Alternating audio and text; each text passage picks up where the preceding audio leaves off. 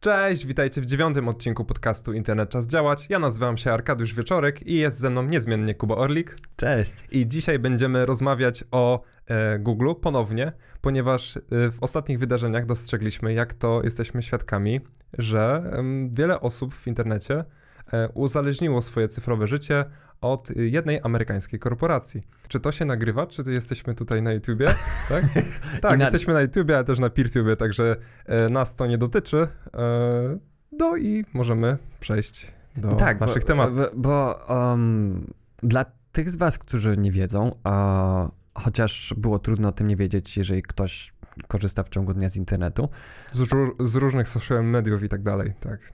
to było chyba wczoraj? Wczoraj. Wczoraj. A przez 45 minut padły europejskie serwery Google'a um, i nie było dostępu do YouTube'a. Google Search chyba działało, wyszukiwanie, ale takie usługi jak Gmail Mm. czy różne firmowe usługi dla Google'a, Google Docs, a wszystko leżało. Um, więc dla wielu firm oznaczało to, i dla wielu osób też, o 45 minut wyjęte całkowicie z, z produktywności. Um, my osobiście tego nie odczuliśmy, tylko po prostu z- znajomi nam pisali, że o, dzieje się coś, o czym na pewno będziecie chcieli wiedzieć. I, i zaglądamy na, na, na główną stronę YouTube'a i ta małpka. Tak, była ta małpka z młotkiem czy ze śrubokrętem. Coś takiego. Um, i, I tak, i właśnie mm, naszła mnie taka refleksja, że, um, że bardzo jestem oswojony z tym, że nawet jak Google nie działa, to nadal można nas słuchać i można nas oglądać, ponieważ mamy um, w, pod naszą własną kontrolą naszą usługę, jaką, taką jaką jest PeerTube czy Funkwell, na którym trzymamy e, nasze podcasty i nasze wer- wideo wersje podcastów. Tak, i nawet Znaczy, no, wciąż to jest czyjaś serwerownia, ktoś to nam może wyłączyć, ale mamy to w więcej niż jednym miejscu. za, zawsze, zawsze trzeba mieć na uwadze to, że jeżeli hostujesz jakieś różne rzeczy, no to musisz mieć jakiś punkt zaufania, w którym komuś zaufasz, że gdzieś to sobie tam postawisz i tak dalej, nie? Tak, i, i do, myślę, że ten, że ta, ten incydent tych 45 Mhm. minut wyłączonych e, usług Google'a um, pomógł zobrazować, e, jak to jest, kiedy jakiś twórca w internecie albo jakaś firma um, polega na Google jako na platformie, która um, jest głównym dojściem do, do, do, do klientów. Czyli na przykład wyobrażam sobie, że są youtuberzy, w ogóle jest dużo youtuberów, którzy narzekają na to, o no bo YouTube robi to i tamto i tamto i tamto. Ja sobie myślę, no dobra, no to wrzućcie na inną platformę. A, ale to już tak, Tak, bo to, to, to jest ta, ta, ta, ta em, nie wiem, czy to jest dobrym określeniem szklana pułapka, po prostu pułapka, mhm. a że masz jakąś usługę, z której korzysta wiele użytkowników a, i przez to, że jest duża społeczność i jesteś tam rozpoznawalny i wiele osób cię tam wyszukuje i tak dalej, to jakby cały czas jest ten problem, że polegasz na tym jednym medium. Bo Z Mhm. podcastami jest o, o tyle prościej, mam wrażenie, że my sobie to publikujemy na YouTubie, ale publikujemy też na tych wszystkich innych e, rozwiązaniach i, i usługach, które, które, które to dostarczają. Ale no faktycznie, w, w, w przypadku YouTuberów, którzy no okej, jeszcze jest Instagram, jeszcze jest Facebook, jeszcze jest parę innych e, e, dużych e, usług amerykańskiej korporacji, które można wykorzystać, nie? I masz dalej przykład Messengera, który też padł Mhm. jakiś czas temu i też nie działał, więc e, nie wiem, co więcej można powiedzieć o tym, ale faktycznie youtuberzy to jest, to jest, to, to, powiedzmy, to jest to wąskie grono, ale masz e, firmy, które używają na przykład Google Site chyba, czy Google for Work, czy to się tak nazywa. Masz szkoły, które używają Google for School. Mhm. Sprawdzimy, czy to się na pewno tak nazywa. Google Classroom chyba. Mm. A, no więc y, masz wiele różnych typów użytkowników, jakby profili użytkowników, którzy korzystają z Google'a w tym momencie. No i tak jak mówisz, y, Gmail czy jakieś um, usługi biurowe, no to dużo osób na tym polega, no i nie mogły z tego skorzystać, nie? Mhm. I um, wspomniałeś o podcastach um, i myślę, że z podcastami nie ma takiego problemu. Jeżeli nie jesteś w stanie, jeżeli dana usługa od podcastów padnie, to Tak. sobie wejdziesz na inną i posłuchasz, bo jest ich mnóstwo, ponieważ podcasty nie są scentralizowane. Z, mm, tak, ale zwróć uwagę na to, że jeżeli e, masz podcast, no to masz RSS-a Mhm. i ten RSS jest gdzieś hostowany. I załóżmy, że teraz ta usługa, z której korzystasz do podcastów pada, Mhm. no to nigdzie w tych wszystkich usługach nie możesz posłuchać tego W podcastu. istocie, ale wtedy ty masz kontrolę nad najsłabszym ogniwem. Ono nie jest w rękach. A, jak, jak, jeżeli twoim najsłabszym ogniwem jest jakaś usługa, o, która musi być Google'owa, ponieważ, wiesz, ponieważ um, tak jest z, nie wiem, ponieważ tylko z nią współpracują różne aplikacje, albo tylko tam jest widownia, a, którą sobie zebrałeś, a no to jeżeli Google ci coś wyłączy, albo Google nagle stwierdzi, ej, sorry, nie mamy twoich danych, albo ej, mamy awarię, no to jesteś zdany na ich łaskę, a, a Google nie ma czegoś takiego jak... A, jeżeli jesteś zwykłym, niepłacącym użytkownikiem, to nie ma czegoś takiego jak support, do którego pójdziesz i z, z pytaniem, z prośbą o naprawę, tylko po prostu powiedzą ci, no, no nie działa. Tak. I tyle. A w momencie, w którym my trzymamy nasz e, podcast na naszym własnym serwerze, on się federalizuje do różnych innych usług, to w, kiedy e, w, w, zeszły poniedziałek zauważyliśmy, dostaliśmy maila od jednego z naszych słuchaczy, że um, nasz RSS nie działa. To ja popsułem. A, I byliśmy w stanie od razu to naprawić. Tak, tak, tak. tak, tak. W, ponieważ to my mamy kontrolę nad tym najsłabszym ogniwem. A, a Spotify próbuje scentralizować podcasty teraz, bo będą podcasty um, robią podcasty, um, jak to się mówi ładnie, ekskluzywne, tak, to, to, na wyłączność, na które mają być tylko na Spotify, opłacane przez Spotify'a i także um, Spotify um, jakby toruje sobie drogę do tego, żeby płacić podcasterom za to, żeby tych ich podcastów nie można było słuchać poza Spotify'em. I jeżeli to się uda, no to jedno, jedna z takich perełek decentralizacji internetu, niezależna od jednego najsłabszego ogniwa, a zacznie być wykupywana przez, mm -hmm. przez mhm. kolejną korporację. Tak, ale jakby wracając do tematu Google'a, mhm. um, to przeglądałem sobie social media, głównie Twittera, od, odnośnie um, tych wszystkich buli użytkowników i z jednej strony um, trochę się śmiałem z tych użytkowników, patrząc na na przykład na takich geeków, którzy tam siedzą przy tych komputerach i wszystko sobie automatyzują, na przykład z Google Home i tak dalej. Z drugiej mm. strony było mi trochę przykro, a miałem takie mieszane uczucia też, e, patrząc na tych użytkowników. Widziałem tam, e, może załączymy link e, do, do tego e, do tego tweeta, ale był, była osoba, która napisała, że właśnie siedzę w ciemnym pokoju i nie mogę włączyć światła, ponieważ serwery Google leżą.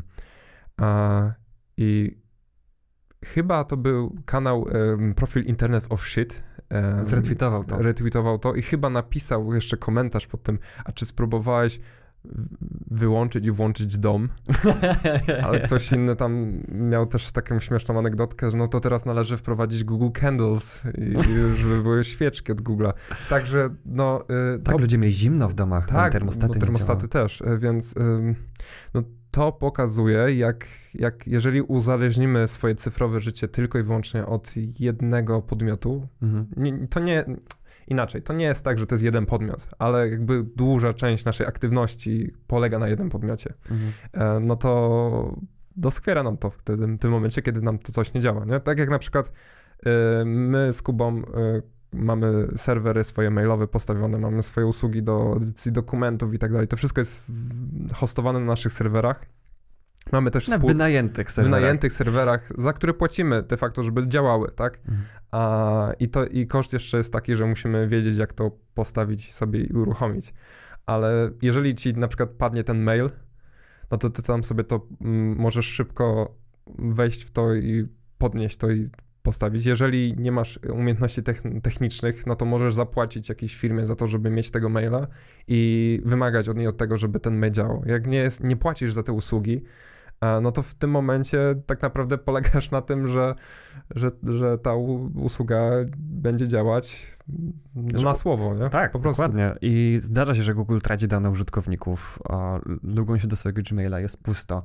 No tak jak mówiłeś w którymś z poprzednich e, e, podcastów e, o, o tej anegdocie, że można pewnego dnia wejść do Gmaila i dowiedzieć się, hej, pokażę, Witaj w Gmailu. Pokażę ci, jak korzystać z Gmaila. tak. Także, no.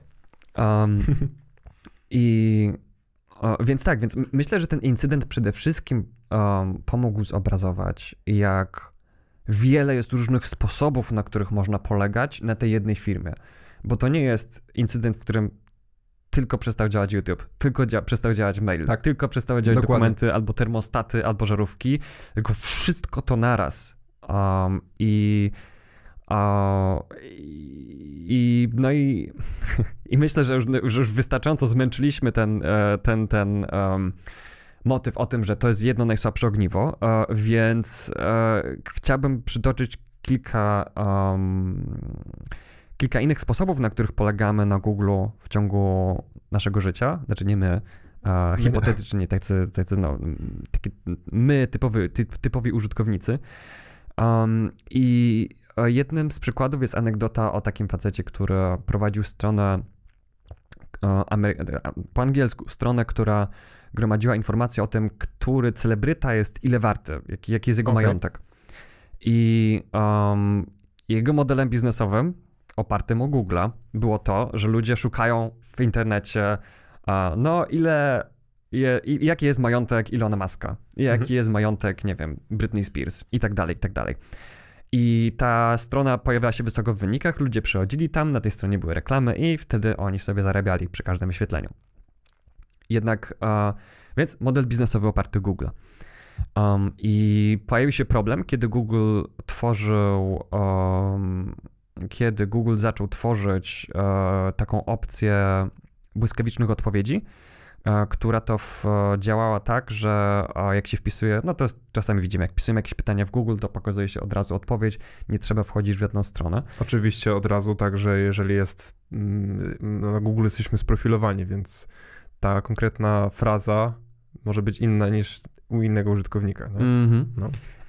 I tym jakby abstrahując, jeszcze no, poza tym, że to jest jakby także funkcją naszej wcześniejszej mhm. historii przeglądania, no to to sprawia, że ta strona, która normalnie dałaby nam odpowiedź na to, nie dostaje odwiedzin, więc potencjalnie zarabia mniej. Um, no i to, że i Google chciał wprowadzić taką opcję, że jak się wpisze w Google informacje, pytanie, ile, jaki jest majątek takiej takiej osoby, jakiegoś celebryty czy celebrytki, to, um, to pokazuje się natychmiastowa odpowiedź. I nawet napisali grzecznie do autora tej strony z, z, pytaniem, czy on dałby im dane do, do ściągnięcia, do, dostęp do bazy danych, ale on wiedział, że jeżeli taka funkcja zostanie wdrożona, no to to będzie śmierć dla jego strony, no bo ludzie nie będą już wchodzili, no bo po co, skoro mają od razu odpowiedź wielkimi literami napisaną. Mhm. Wygody dla użytkowników, ale dla tego modelu biznesowego opartego Google'a e, to jest zabójcze. O, o ile się nie mylę, tutaj zrobię fakt check samodzielnie, um, jest, e, było tak, że on odmówił im dostępu do tych danych, nie, nie, dał, ich, nie dał dostępu do bazy danych Google'owi. Um, mimo to um, te Google znalazł jakiś inny sposób na to, żeby po prostu zeskrobać te dane z jego, z jego strony uh, i pojawiały się błyskawiczne odpowiedzi, efektywnie kończąc jego model biznesowy. To tak jakbyś, to jeszcze tak widzę z punktu widzenia zwykłego użytkownika, jakbyś chciał na przykład do takiej korporacji zapukać i otrzymać dane, o której, które mm, zbierają o tobie, mhm.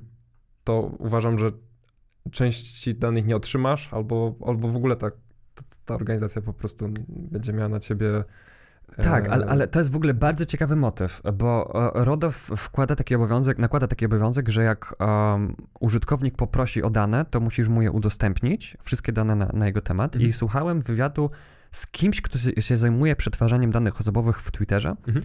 w którym powiedzieli, że wprowadzenie takiej funkcji eksportu danych wszystkich, które mają na twój temat, wymaga żeby oni rzeczy, które wcześniej były zdecentralizowane tak, że nie mogli ich ze sobą skorelować, nagle muszą je scentralizować tak, żeby mogli je skorelować. Mhm. Ponieważ muszą mieć narzędzie do tego, żeby wyciągnąć informacje, wszystkie informacje, jakie mają o danym użytkowniku, nawet jeżeli wcześniej chcieli takiej możliwości nie mieć. Okej. Okay. Więc te, to jest też ciekawe, że ten kij ma dwa końce, mhm. nie? Um, myślę, że też to może być używane jako, jako wymówka w, w, i tak. jakby korporacjom, które zarabiają takie pieniądze i jakie jak Google czy... czy chociaż Twitter chyba nie, nigdy nie przyniósł zysków tak naprawdę. Nie, e, też uważam, że to powinno być z jednych z naszych podstawowych praw, nie? Tak naprawdę mhm. dostęp do naszych danych, czyli no jest chyba nawet taka akcja, musimy zrobić fact check, mm. a, która, właśnie, która właśnie na tym polega i chyba jest, coś, chyba jest to powiązane też z ex, ex członkami Cambridge Analytica, jak dobrze pamiętam. No i, i, i tak, jeszcze z innej, innej perspektywy, to też na przykład takie Cambridge Analytica mm -hmm. w mhm. dużej mierze polegało głównie na danych z Facebooka, nie? Też, też jakby, jakby już nie oceniam działal działalności tej, tej, tej firmy, mhm. ale y, masz też firmę, która zarabiała dużo pieniędzy, bo im się udało i tak dalej, ale też faktycznie polegali na jednym podmiocie głównie. Tak.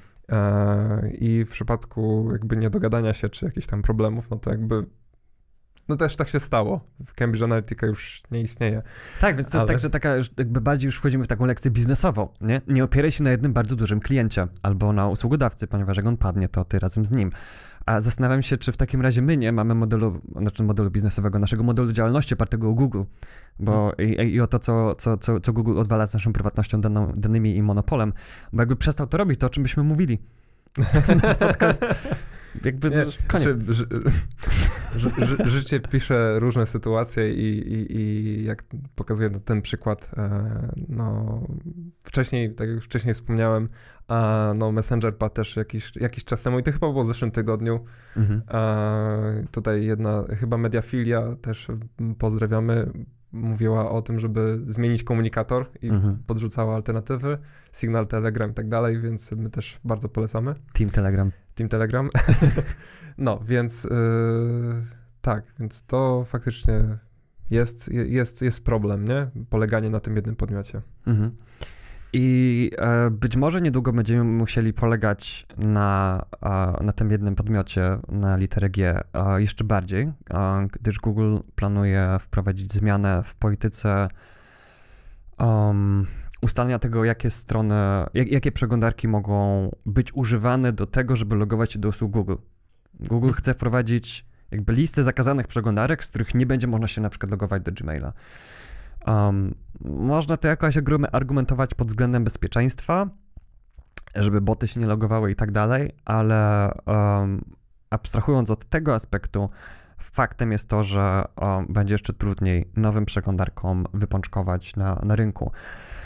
Bo um, częścią tej polityki ma być to, że Google chce zabronić um, przeglądarkom kłamać odnośnie tego, jaką przeglądarką są, bo przeglądarka jak odwiedza stronę, no to zgłasza się jako jakaś przeglądarka i wysyła taki napis, w którym no, mówi, no jestem Firefoxem. System operacyjny albo, taka, wersja taka i tak dalej, no.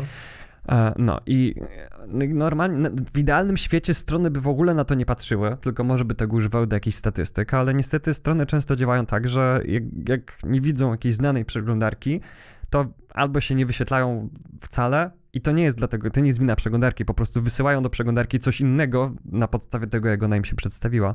Wysyła, pokazują pop-up, że ta przeglądarka jest nies A, niesaportowana. Tak, albo zaktualizuj przeglądarkę, bo coś nam tutaj nie gra. Mhm. Um, mimo, że przeglądarka ma wszystkie funkcjonalności, żeby wyświetlić daną stronę.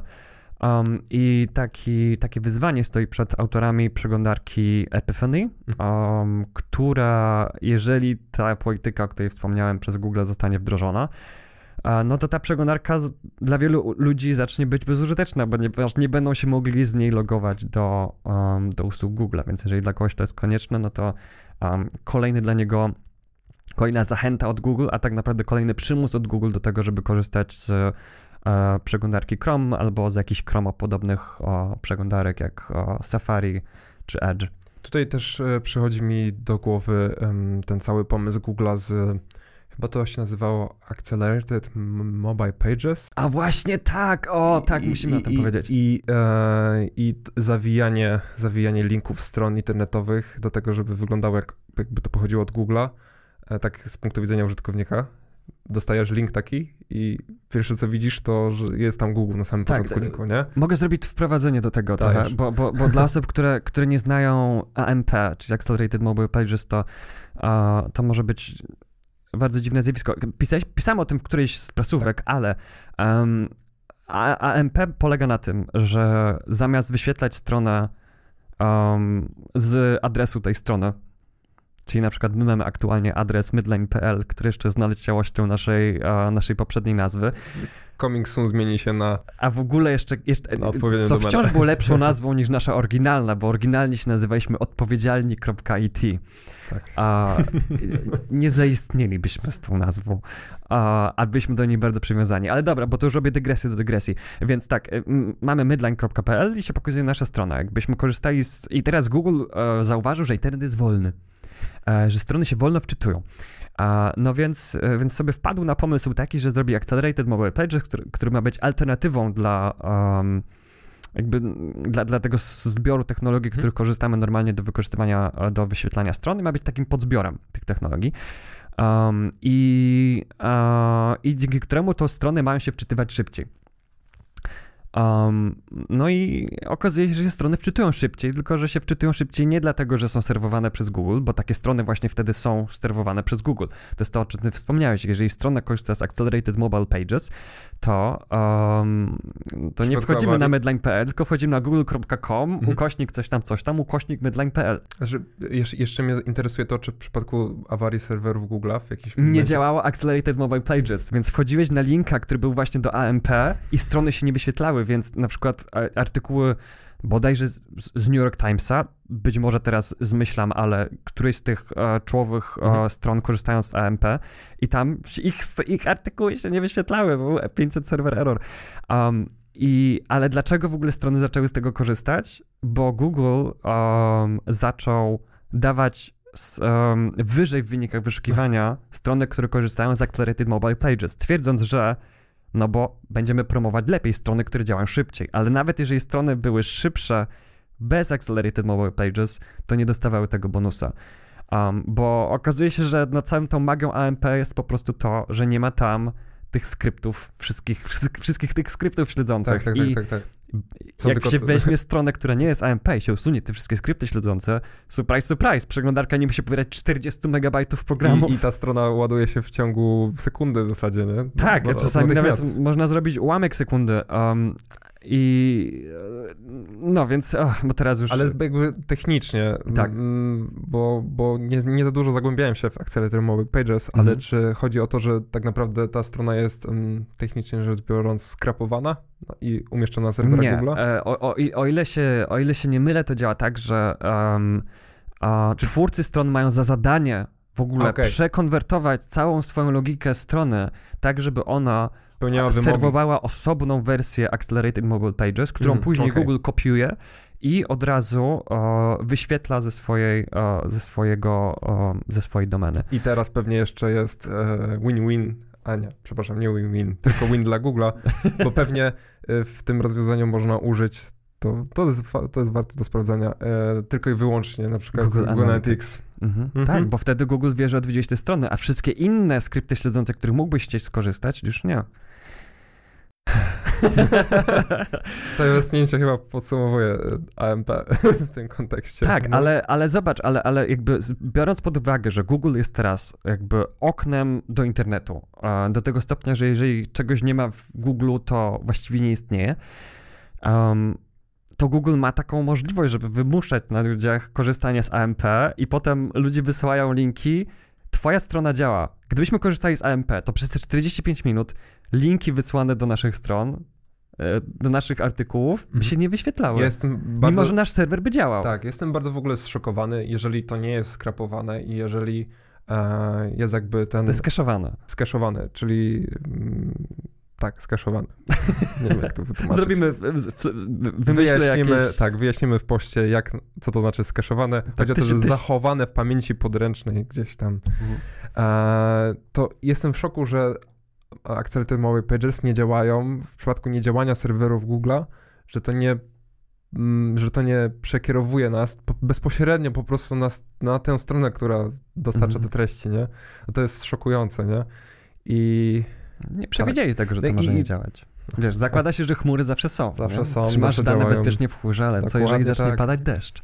A, I wiele osób tak naprawdę dos, jakby przekłada nie na to, że internet równa się Google. Tak jak mówiliśmy wcześniej o młodzieży, że internet równa się Facebook, w sensie jeżeli czegoś nie mogę znaleźć na Facebooku, to nie mogę tego znaleźć, bo tego w internecie nie ma. Mhm. No to tak prawdopodobnie wiele osób niewiele starszych od tej młodzieży jakby utożsamia, że w Google znajduje wszystko i no i jak tam nie działa i nie mogę znaleźć, no to no nie, ma, nie ma tego po prostu, nie? To, to mi przywodzi na myśl, był w jednym z ostatnich odcinków podcastu Replay All, mhm. traktujący, no jest angielski podcast traktujący o tematach e, całkiem podobnych do nas, um, wchodzącym także mocno w kulturę Silicon Valley i tak Okej. dalej. Um, jest, był tam wątek o właśnie o tych, um, o tym, że jak czegoś w Google nie ma, to, to nie istnieje. Był facet, który um, pamiętał, nagle mu się przypomniał tekst jakiejś piosenki. E, I chodziła mu w głowie, utkwiła mu w głowie. Więc wpisał ją sobie w wyszukiwarkę Google. Mhm. Um, I nic nie znalazł. Więc był przekonany, że hej, może ja sobie zmyśliłem tę piosenkę albo coś, ale, ale w końcu jakoś inaczej szukał, zebrał więcej słów z pamięci i, um, i znalazł na jakimś forum kogoś, kto szukał tej samej piosenki.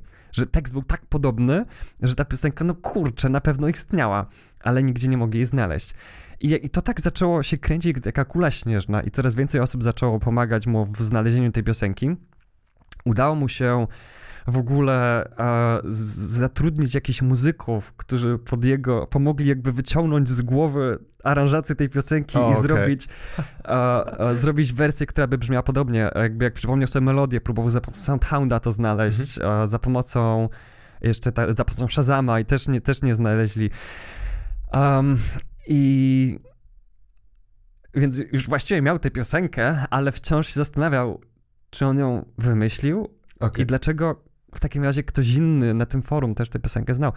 Um, osoba, której w ogóle on nie znał. Mhm. I ktoś potem wpadł na pomysł z osób zaangażowanych w to poszukiwanie, żeby wpisać tekst tej piosenki w wyszukiwarce facebookowej. I okazało się, że był jakiś muzyk, który stworzył tę piosenkę Aha.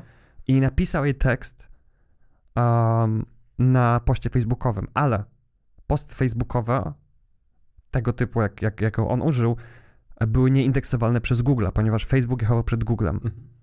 Więc, um, więc są już takie dwa ogrodzone Byty. Mhm. tak, w których musisz szukać niezależnie, jeżeli chcesz sprawdzić, czy coś istnieje, czy nie. Tak, że zapamiętajmy, internet równa się Google, internet równa się Facebook. Nie, nie, nie, zapamiętajcie na odwrót. Specjalnie to zrobiłem. Arkadiusz starał się mnie stygerować, ja jestem czujny, wyczulony, wręcz przeczulony na to. Tak. I, um, I co możemy jako użytkownicy zrobić z tym, że Google ma taką dużą kontrolę nad tym rynkiem? E, przychodzi mi do głowy teraz pewna strona, którą znaleźliśmy i wydaje się, że jest nawet lepsza niż alternative2.net i to jest chyba Switching Software. Mhm. Switching.software. Tak. I, I tam możecie znaleźć, wybierając na przykład um, Google'a, konkretnie wyszukiwarki. Nie wiem, czy to nawet nie chodzi o głównie mm, o wolne rozwiązania i otwartoźródłowe rozwiązania, albo jakby wszystko się kręci w tym obszarze, bo tak przejrzeliśmy ym, z grubsza, jakie tam aplikacje podpowiada i tak dalej. W przypadku um, wyszukiwarki Google podpowiada DuckDuckGo, o którym wcześniej mówiliśmy, i Quant. Mm. E, także no, Nie podpowiada Binga, więc jest nie- dobrze. Jest, jest dobrze, więc y, naprawdę pod, pod tym względem polecamy. Jest taki fajny katalog z tego. w, tak, tak, bo w ogóle jest jakby pełny zbiór od razu aplikacji, że mam konkretną aplikację, na przykład, ym, co tam było? Tam w ogóle też były rzeczy spoza Google'a, nie? Adobe After Effects, e, no to Blender na przykład, nie? Że możesz podobne rzeczy zrobić w Blenderze, nie? I, i, i fajnie, fajne, naprawdę mi się mega to spodobało, bo poznałem wiele ciekawych nowych alternatyw, o których nie wiedziałem. Tak, i, Więc- i mi się to podoba, bo jakby i, i polecaliśmy zawsze Alternative 2 i to jest fajne, jak znasz konkretną jedną aplikację, którą chcesz zastąpić i musisz wyjść z takim laserowym skupieniem Tak, na że no konkretną masz, masz, aplikację. masz ten k- konkret, y, z którym przychodzisz do, do, do Alternative 2. A tutaj, masz taki window zbiór. shopping sobie robić. I tak, i przeglądasz sobie, o okej, do, do, do, do mapy, okej, to mogę użyć sobie tego, nie? Mhm. Więc y, naprawdę zobaczcie sobie, tam jest w ogóle naprawdę dużo, dużo różnych y, aplikacji. Jestem bardzo zachwycony tym, ile ciekawych alternatyw teraz jest, bo już to pewnie mówiłem w którymś Mówiłeś. odcinku, ale no, zaczynaliśmy studia i to było totalnie... Tak. Ja sam, sam mi się marzyło jednym w ogóle z moich głównych projektów programistycznych, który stał się czymś zupełnie innym niż zamierzałem, ale to właśnie było stworzyć alternatywy dla Google Docs Mhm. i dla generalnie dla usług Google'a. Um, stworzyłem coś zupełnie innego, też fajnego, ale, um, ale teraz już są takie, nie trzeba takich tworzyć. Wystarczy kliknąć kilka guzików i albo kupić taką usługę u kogoś, albo postawić własną, jeżeli ma się do tego zasoby, więc... Tym bardziej, że oglądałem jakiś czas temu z moją żoną e, pew, pew, pewną konferencję UX-ową, bo jest ona mm, między innymi UX designerem, a i tam pewien z, z tych prowadzących, prelegentów a, zaczął mówić o właśnie o kontekście prywatności z powiązaniem poszanowania praw użytkowników mhm. w, kontekście tworzenia produktów cyfrowych, właśnie designowania tego, wiesz, jakby masz jakiś interfejs, no to niestety, ale wiele, um, to, jest, to jest bardzo widoczne w social mediach, nie? Że one są uzależniające, tak żebyś tam jak najwięcej czasu przebywał. Mhm. No i jakby um, odpowiedzialność tego designera nad tym, żeby um, stworzyć takie narzędzie, które nie będzie, które będzie rozwiązywało problem użytkownika, nie będzie uzależniające. I właśnie zaczął o tym opowiadać. I tak patrzę, zaczyna robić prezentację w Zoho. Mm. I mówię, o kurczę, nie? I, I, jakby widziałem, że miał problem z tym narzędziem, bo coś tam się działo, ale w pewnym momencie ogarnął i zaczął prowadzić już prezentację i powiedział taką fajną kwestię, że y, byłby hipokrytą, jeżeli y, mówiłby właśnie o, o, o, o takich rzeczach, a korzystałby z takich rozwiązań na przykład Google'a, nie? Mhm. Więc y, mówię, wow, wow, fajnie, że są takie osoby i pozdrawiam te osoby. Tak i um, jak, bo, bo jest coś takiego, generalnie no, na też można wychnąć potencjalnie hipokryzję, no Oczywiście. bo przecież mamy stronę na Facebooku, ale jakby uważam, że jeżeli na przykład mielibyśmy do wyboru jedną platformę, a w trakcie streamingu tak jest, bo musisz wybrać jedną platformę do streamingu, albo jak robisz prezentację, no to z jednej, z jednej hmm. platformy, a no to wybieramy wtedy coś, wybralibyśmy, nie wiem, coś, co, nad, nad czym sami mamy kontrolę, albo coś, co nie jest googlowe i facebookowe, ale tutaj um, jakby no, docieramy do, do szerokiego grona osób i po prostu jeżeli dla kogoś, mam nadzieję, w trakcie słuchania naszego podcastu, jeżeli ktoś e, dotychczas otrzymuje wiadomości o naszych nowych odcinkach za pomocą Facebooka okay. i nagle stwierdzi, że nie chce korzystać z Facebooka, to ma alternatywy. Mhm. I jakby ja będę przecież szczęśliwy, jeżeli kiedyś, kiedyś się tak stanie. Um, ale no, jakby no, e, ma, myślę, że taka osoba była, miałaby o tyle problem, że tych alternatyw do subskrybowania nas byłoby aż za dużo do wyboru, bo już nam się te ikonki w prawym górnym rogu naszej strony prawie kończy miejsce no. na nie. No. Ale tak, i, i to, to mi się też podoba mega, że, yy, że są inne osoby w internecie, bo wydawało mi się, że jesteśmy jakimiś takimi chodzącymi dziwakami, którzy oczywiście na wszystko muszą znaleźć alternatywę. E, ja też się przyznaję, nie korzystam w 100% z open source'a, bo, bo, bo są aplikacje, z których e, zdarza mi się z jakiegoś zamkniętego programowania skorzystać. Mhm. Gry wideo chociażby. Gry, o właśnie, wiesz co, głównie to miałem na myśli, nie? Mhm.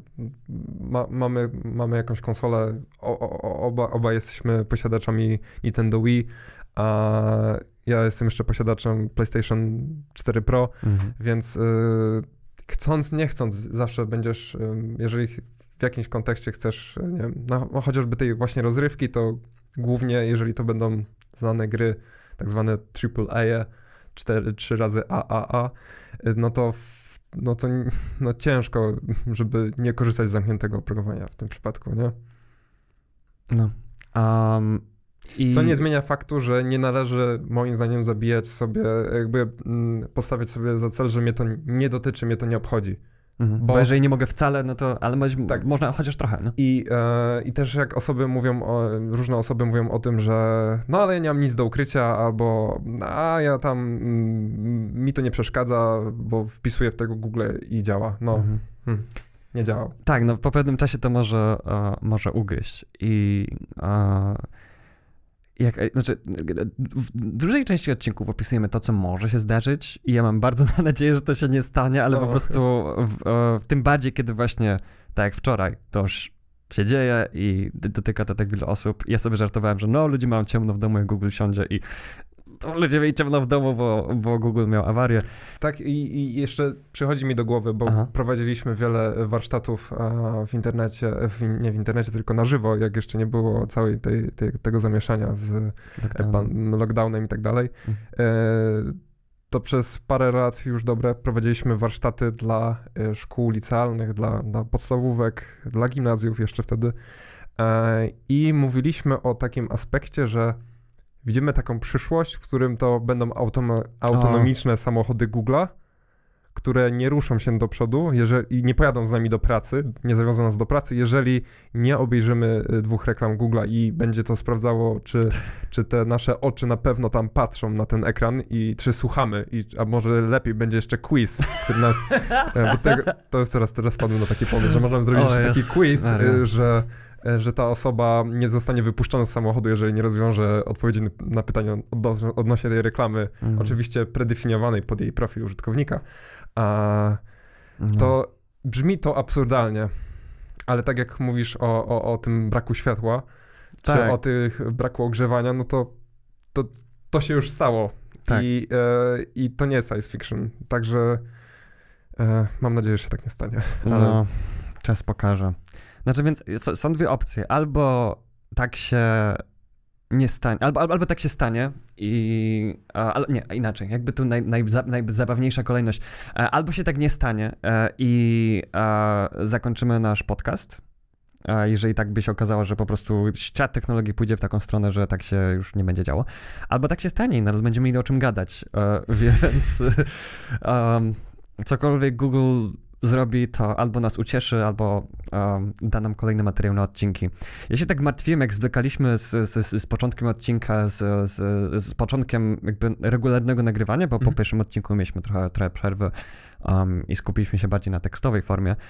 A się zastanowiłem, o, a jest tyle tematów, które nam umyka, które możemy ugryźć, ale e, zawsze się uspokajałem, że spokojnie te największe firmy, korporacje technologiczne zawsze wymyślą coś, um, czy um, no, co, co da nam materiałów do gadania na długie lata. I nie ukrywam, że mam tutaj na e, ekranie pewną podpowiedź e, dotyczącą konfliktów interesów wielkich korporacji technologicznych, bo Mhm. jest taki pomysł na odcinek, który na pewno przygotujemy e, w przyszłości, ale jest tutaj pewien e, nasz temat odnośnie Google'a, to, że Google motywuje producentów do tego, żeby e, utrudniać zmianę systemu oprogramowania. Mhm. E, I teraz mamy właśnie telefony z Androidem, też już o tym mówiliśmy, e, na których jeszcze możemy zmienić oprogramowanie, no ale może być tak jak w przypadku Apple'a, że będzie to coraz bardziej i bardziej utrudnienie, chociaż już, się, już to się dzieje, bo kiedyś, pamiętam jeszcze ża- za czasów em, Androida, nie wiem, 1.6,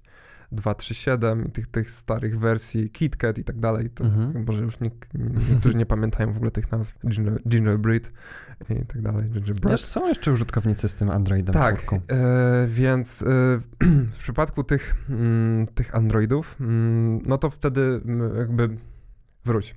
W przypadku tych Androidów mogliśmy e, bardzo łatwo sflashować to oprogramowanie. Podpinaliśmy tam e, telefon do komputera, odpalaliśmy jakąś komendę z jakiegoś, jakiegoś programu, pyk, już był zrutowany Mhm. już mogliśmy wgrać ten um, recovery, czyli um, oprogramowanie, które możemy odzyskać na system operacyjny. W tym przypadku używa się tego oprogramowania po to, żeby wgrać inny system operacyjny.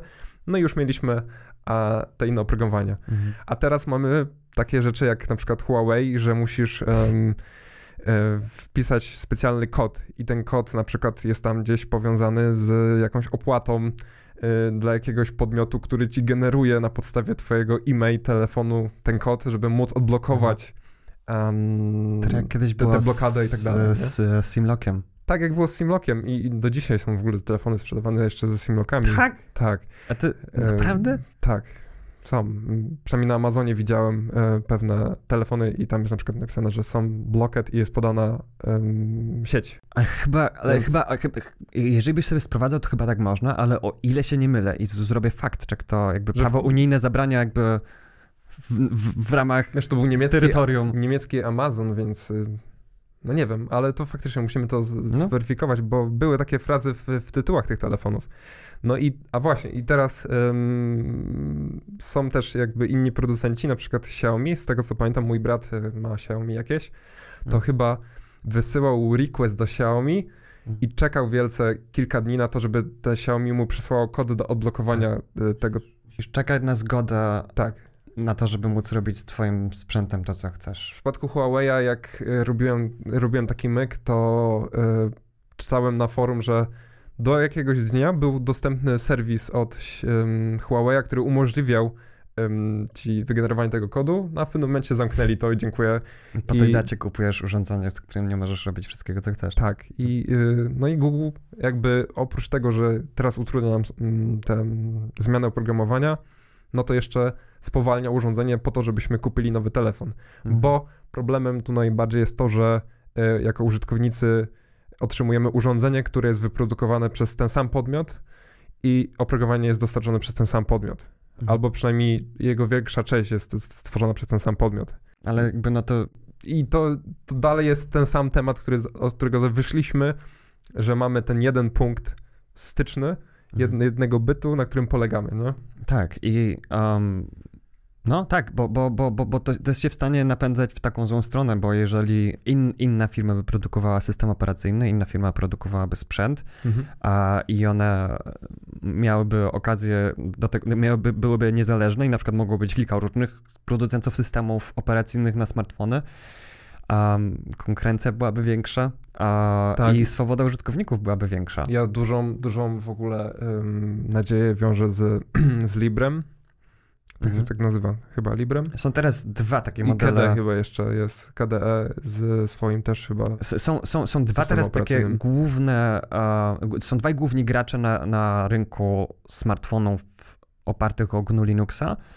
Um, jest to Librem, którzy, firma, która tworzy w Ameryce um, laptopy, tablety i od niedawna smartfony, a które mają fizyczne wyłączniki do różnych nadajników i do czytników, więc można na przykład po prostu przesunąć suwak, który odcina zasilanie od mikrofonu i Mhm. nawet jakbyś miał jakieś super złośliwe oprogramowanie, które ci przyjęło kontrolę nad całym urządzeniem, no to sorry, póki ten suwak jest przesunięty, pod nie mam możliwości sczytywania Ale dźwięku serio fizycznie. technicznie na obudowie masz. Na obudowie telefonu są suwaki rzeczy? do tego, żeby, Wow. żeby to zrobić.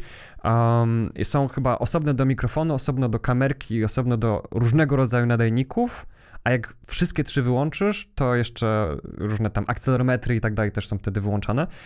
I Librem, teraz właśnie jest model Librem 5, który jest z smartfonem z GNU Linuxem. I jest jeszcze PinePhone, e, który jest znacznie bardziej budżetowy, bo Libremy są piekielnie drogie. Um, jest znacznie bardziej budżetowy i on jest oparty o też Linuxa. Nie wiem, czy, są, czy mają dedykowaną jakąś własną dystrybucję. W każdym razie um, część z interfejsów um, z, z shellów Linuxowych, tak jak GNOME czy KDE, z tych środowisk, od, od pewnego czasu zaczyna się dostosowywać do tego, żeby jak są uruchomione na takim małym ekranie, to żeby aplikacje były responsywne, bo Mhm. teraz się mówi o responsywnych stronach internetowych, a... em, No już mówi się od wielu lat o responsywnym no, no tak, no teraz to już jest e, temat powszedni. A zawsze klient przejdzie stronę, jaką chce pan stronę? Nie wiem, ale wiem, że musi być responsywna. I musi być e, one landing page, jeżeli A, to jest strona wizytówka. Tak, i widziałem taki fajny parallax scrolling, nie? To ja bardzo chciałem, żeby e, czytelnicy mojej strony mieli nudności, jak na nią patrzą. I, czy, I czytałem o Accelerator Mobile Pages od Google'a i to też proszę mnie zaimplementować. Żeby acceler- accelerate mobile pages i jednocześnie wywołujący chorobę lokomocyjną animację. Nasz, tak- nasz klient, nasz pan. Zboczenia zawodowe. E, no, więc e, dobrze, nie rozstójmy tutaj naszych klientów. E, więc e, o czym ja mówiłem? O Librem, okej. A, o Librem, o KDE, tak, więc będą także e, teraz responsywne desktopowe aplikacje Linuxowe i e, może coś w tym kierunku pójdzie. I część z tych um, jest także ruch um, e, Postmarket OS, Tak. a, który jest, kurczę, nie wiem, czy to jest dystrybucja GNU Linuxa, czy to jest dystrybucja Androida, um, ale to jest też system operacyjny, który jest, którego przeznaczeniem jest to, żeby urządzenia, które już są stare, które się już zużyły, żeby mogły nadal działać. I jeszcze sprawnie. jest Ubuntu Touch, e, które też e, co chwilę dodaje jakieś nowe, znaczy nowe, już legacy urządzenia w tym kontekście, że w większości to są dwu, trzy, czteroletnie, pięcioletnie i starsze telefony Mhm. e, i można tam Ubuntu zainstalować, Ubuntu Phone albo Ubuntu Touch, jak się tak nazywa. Jeszcze, ten projekt jeszcze się rozwija? Tak, To, Tak, okej. cały czas widzę na Twitterze mm, nowe posty, nowe tweety odnośnie Ubu Ports, U, U, Ubi Ports, to się jakoś tak nazywa i tam możesz e, znaleźć właśnie listę aktualnie wspieranych urządzeń przez Ubuntu Touch. Mhm. Można cały czas zainstalować, ale chyba Canonical, czy jak się tak naz- nazywa ta firma, która tworzy Ubuntu, No, Canonical. Mhm. e, porzuciła ten projekt, nie? Ale jakby A, społeczność przyjęła, społeczność okej. dalej, dalej... Właśnie e, miałem gdzieś w głowie, że, że, że, że tak, tak, oni to ktoś położył na tym e, krzyżyk. I szkoda, bo e, jakby wizja w ogóle była fajna, bo, bo była bardzo podobna do Samsunga Dexa, czyli rozwiązania takiego, że masz doka i podpinasz telefon e, pod monitor, klawiaturę i myszkę i masz Lib, desktopo- Librem tak potrafi. desktopowy. Zresztą no, więc właśnie. e, PinePhone też po prostu, to jest normalny komputer z GNU Linuxem. PinePhone to w ogóle mam wrażenie, że to jest tak blisko Raspberry Pi, w sensie Bliżej, jakoś tak. w nazwie i w ogóle jakby w odczuciu, tak jak odbieram to jako mm, konsument, jak patrzę na te rozwiązania, nie? Myślę, że PinePhone właśnie uchwyca taką, e, taką magię, która może się kojarzyć z, ze starymi komputerami Atari O, tak. W, w, i, innymi komputerami, które przychodzą od razu um, gotowe do użycia, ale pozwalają ci na ich samodzielne hakowanie i poznawanie. Na przykład dają ci jakiś język programowania razem z instrukcją. Mhm. A tak samo teraz jest ten, ta nowa, wbudowana w klawiaturę w ogóle Raspberry Pi, do którego tylko Tak. podłączasz ekran, to się chyba nazywa Raspberry Pi 400. Tak, tak, tak. Um, I on przychodzi z takim podręcznikiem e, do Scratcha. Wow. I ucząc się na przykład, jak tam podpiąć diodę i w Scratchu programować, żeby ona migała albo robiła różne rzeczy. Jeżeli jesteście rodzicami i chcecie, żeby wasze dzieci e, zainteresowały się programowaniem i tak dalej, no to Raspberry Pi i jakby ogólnie ten cały ekosystem tych właśnie mikrokontrolerów, mikrokomputerów jest świetnym narzędziem do tego, żeby nauczyć, znaczy, żeby wzbudzić ciekawość w dzieciach. Sam jestem takim małym dzieckiem, bo mam kilka sztuk Raspberry Pi i kilka sztuk Arduino i, i całą skrzynkę kabelków, i diod i innych takich rzeczy. I fajne rzeczy się, na, nawet, nawet na studiach to robiłem takiego śmiesznego robota, który potrafił tylko jeździć do przodu i do tyłu, bo, bo, bo, bo nie było czasu w projekcie, żeby zrobić tak, żeby mógł skręcać. Ale jakby sam fan z tego, nie? W sensie taki, taki dziecięcy fan trochę też, że Tak. z jednej strony tworzysz em, jednocześnie oprogramowanie i, i jakby ten hardware, czyli jakby tego całego robota, nie? Jakby, no, to taka dygresja do, do, do, do rodziców. y, polecam. Jak najbardziej, bo um, to jest. Jest coś takiego w programowaniu, że od pewnego stopnia, jak się człowiek uczy programować, to jest jak, jak czarowanie. Ja- Jakby uczysz się pewnych zaklęć, Mhm. które użyte w określonej sekwencji sprawiają, że coś się dzieje samo. Tak. Um, i, I w momencie, w którym jest jeszcze opcja, żeby przełożyć to na jakieś mechaniczne urządzenie, coś się rusza, świeci i tak dalej, no to jest po prostu frajda. Czy jesteś młody, czy jesteś stary, to, to, jest, zawsze, Dokładnie. e, to jest zawsze super. I, ale dla mnie w takich hakowalnych urządzeniach, i mam na myśli hakowalnych nie pod względem, że łatwo jest, żeby ktoś mi je zhakował wbrew mojej woli, tylko jeżeli ja chcę Um, bo tak, takie było oryginalne znaczenie słowa hack, to znaczy jakieś fajne połączenie istniejących rzeczy, które robi coś nowego, um, bardziej jako żart w znaczeniu, a nie jako, jako wyciek, um, ale potem słowo cracking e, zostało zastąpione słowem hacking i Pirate i, i tak, ja i chyba inne. założę osobny podcast o tym, jak, jak o słowach, które zmieniły swoje znaczenie i zostawiły po sobie pustkę e, semantyczną, której nic nie wypełniło. Um, bo, bo codziennie mi to doskwiera. Ale zanim to zrobię, to jeszcze opowiem o tym. E, ja zapomniałem, co mówiłem, aż tak się przejąłem tymi słowami. Raspberry Pi, komputery, mikrokontrolery, roboty. Tak, właśnie, No. bo to, to, nas, y, to nam pozwala wyjść poza ten um, świat, w którym włączamy jakąś technologię i mamy experience zaprojektowany od A do Z. Tak. Idziemy utartymi torami, które prowadzą do naszego portfela. um, tylko robimy coś, czego końcowym celem nie jest konsumpcja, a tylko tworzenie. Tak. A mam wrażenie, że coraz więcej urządzeń jest stworzonych tak, żeby łatwo było na nich konsumować, a trudno było za pomocą nich tworzyć. I oprogramowanie też. Więc e, cieszą mnie, więc, więc myślę, że to jest ten, ten duch, który czujesz w, w PinePhone'ie, Mhm. a w tym, że oni mają na przykład taki super budżetowy smartwatch do tego, który możesz także podłączyć do laptopa, jeżeli chcesz, albo użyć do No, czegokolwiek właśnie. chcesz. A że to nie jest, um, że nie jesteś na torach. Mhm. To jest bardziej taka gra open world. Tak, więc. y, No. Jeszcze, jeszcze, jeszcze przychodzi mi do głowy z tych ostatnich takich e, Selfish, Selfish, Selfish, Selfish, Selfish OS. Selfish OS. Było coś takiego. Jak też, widać, nie mają silnego brandu. Nie mają silnego brandu, ale to było też takie oprogramowanie, które pozwalało, znaczy taki system operacyjny, który pozwalał uruchomić aplikację z Androida, jednocześnie jeszcze jakieś chyba inne aplikacje. Mhm. Tu też fact check do zrobienia. Mm, I tam te, też jakby była taka, taka wizja, nie wiem, czy bardzo nastawiona na prywatność i tak dalej. To ale... był w ogóle, kiedyś w ogóle HP wypuścił własny system operacyjny. I to właśnie z tego, o, mogę się teraz bardzo, bardzo, bardzo mylić, zrobię na czerwono fakt czeka, jeżeli to nie miałem racji. Mam nadzieję, że nasz blog na to pozwala.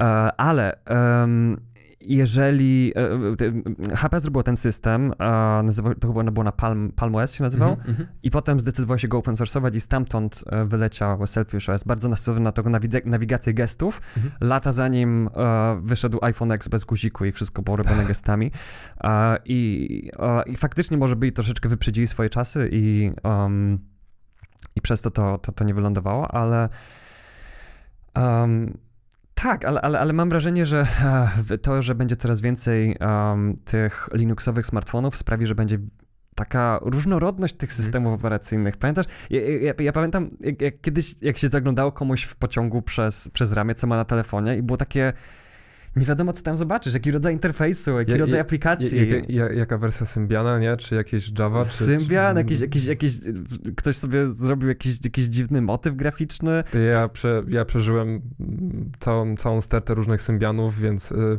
naprawdę każda wersja Symbiana to po prostu był, wiesz, kosmos, nie? No, miałeś Ale... bardzo popularny Symbian S60V2 i S60V3, to kompletnie zmiany, ale w ogóle S60V3, na których stały, z tego co pamiętam, Nokia E51, a, taki biznesowy smartfon od Nokii, mhm. no znakomite urządzenia, nie? W sensie i prędkość działania na te podzespoły, które posiada telefon, jakby chciałbym, żeby, okej, okay, pewnie dzisiejsze smartfony, bo mówiłem o tym, że mój smartfon 5-letni działa wydajnie, mhm. potrafi się zaciąć przy niektórych aplikacjach i tak dalej.